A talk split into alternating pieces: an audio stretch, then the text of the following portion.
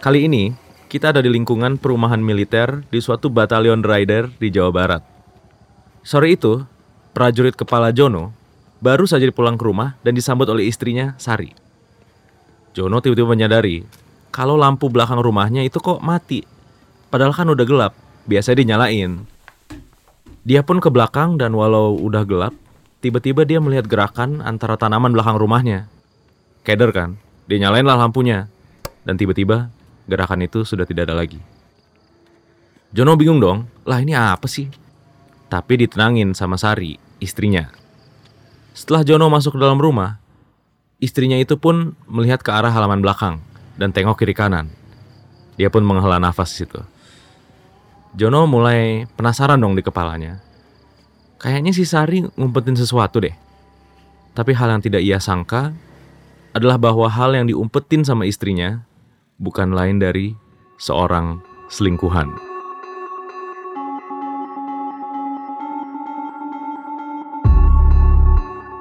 Halo, selamat datang di podcast Indonesia True Crime. Di sini kita bakal nge-breakdown real cases based on dokumen pengadilan dan laporan kepolisian. Bersama gue, BP, dan Sashi. Halo. Kita bakal nganterin kalian ke cerita-cerita kejahatan di sekitar kita.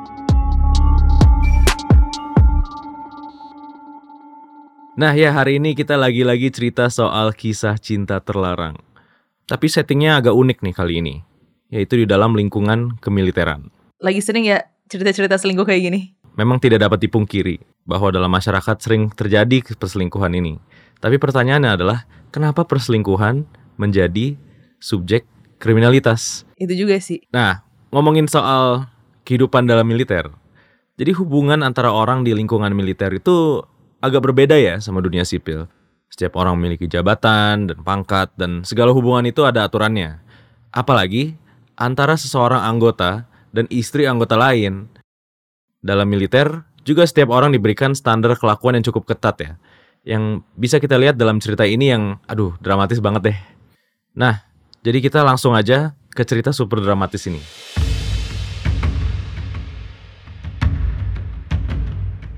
Kita balik lagi ke suatu komplek militer di Jawa Barat dan kali itu bulan November 2011.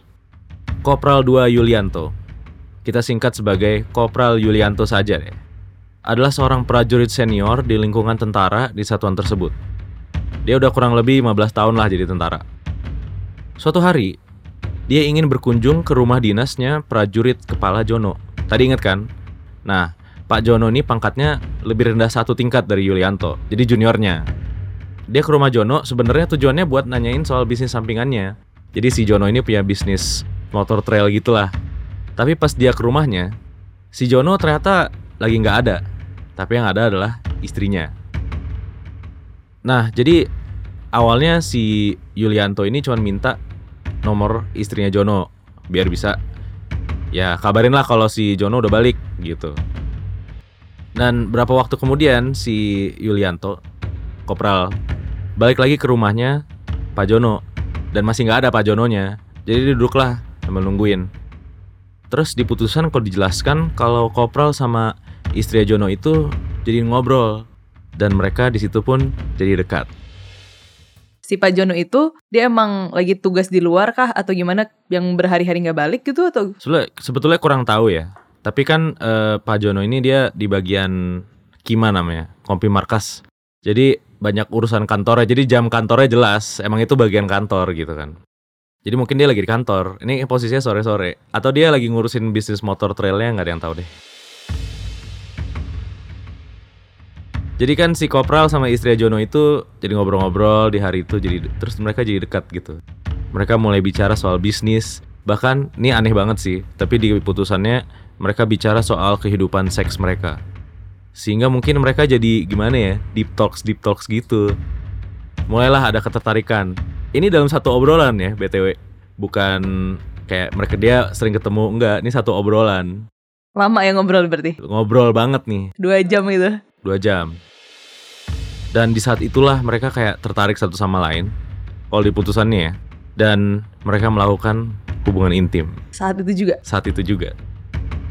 Nah, ternyata hubungan antara Kopral Yulianto dan si Sari ini, istrinya Jono, itu ternyata cukup meningkatkan gairah gairah mereka gitu. Mereka tuh sering ketemu gitu dalam beberapa bulan ke depan. Tapi versi dari istrinya prajurit Jono ini dan Kopral itu jauh berbeda. Kalau kata istrinya itu adalah, oh dia awalnya datang ke rumah terus maksa-maksa saya. Tapi kalau dari kesaksian si Kopral, si istrinya suka ngajak ketemu. Katanya aduh nih uh, udah nggak mau lagi ah sama prajurit Jono gitu maunya sama kamu aja. Aduh. Nah tapi hal yang menurut gua interesting banget itu adalah si istrinya ngasih kode untuk kodenya si kopral datang ke rumahnya. Itu adalah kalau lampu belakang rumah itu mati berarti suaminya lagi nggak ada di rumah dan si kopral boleh masuk jadi seringlah dia main ke rumahnya juga love affair ini pun terus berjalan tanpa sepengetahuan prajurit Jono. Ingat, kalau di Indonesia, selingkuh itu kalau satu orang dalam keadaan menikah, itu bisa kena hukuman pidana loh kalau dilaporin. Ini disebutnya kejahatan zina. Ya, maksudnya mereka kan hidup di komunitas yang ketat ya. Jadi kejadian-kejadian kopral ini suka main ke rumahnya Pak Jono tanpa ada Pak Jono di situ, itu ternyata mengundang sedikit kecurigaan dari lingkungan sekitar. Tetangganya Jono, seorang tentara juga, nggak sengaja ngeliat seorang laki-laki keluar dari rumahnya prajurit Jono lewat pintu belakang. Dia bingung dong, karena dia tahu Jono itu sedang nggak di rumah. Dia juga sadar kalau lampu belakang itu nggak dinyalain, padahal malam-malam. Udah gitu, si istri Jono juga tengok kiri kanan pas mau keluar. Wah, ini ada bau-bau nggak enak nih kan mikirnya. Jadi dia laporin lah kejadian aneh ini ke tentara yang lebih senior, namanya Sersan Satu Udin.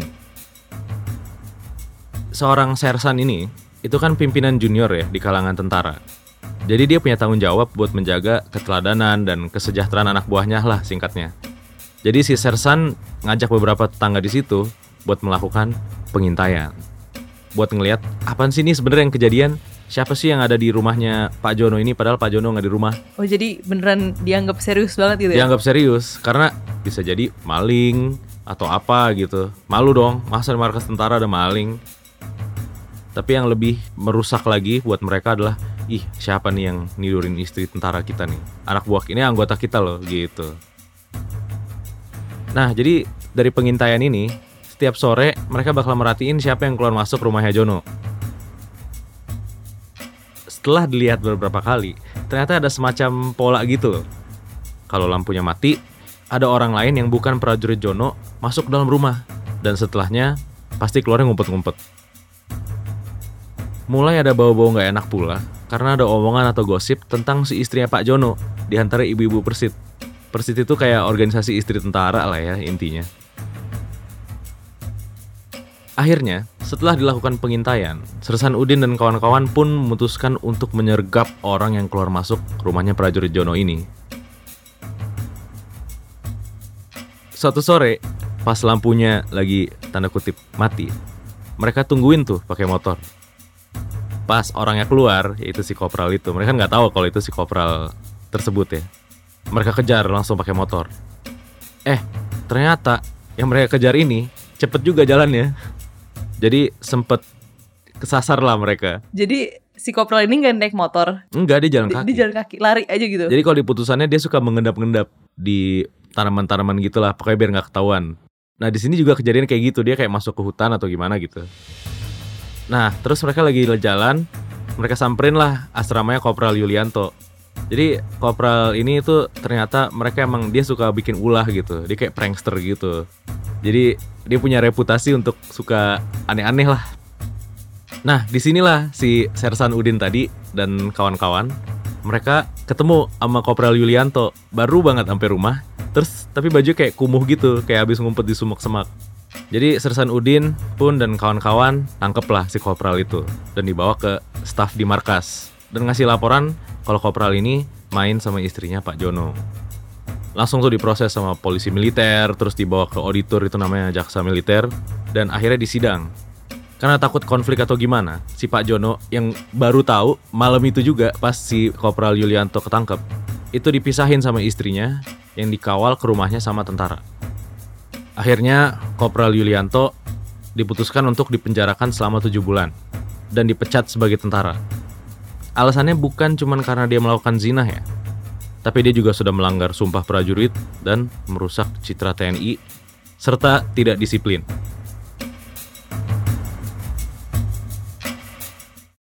Oke, sebetulnya segitu aja sih ceritanya. Gimana Sash menurut lu? Menarik ya. Gue baru tahu kalau orang bisa dipenjara gara-gara selingkuh gitu. Iya, kalau udah kawin bisa.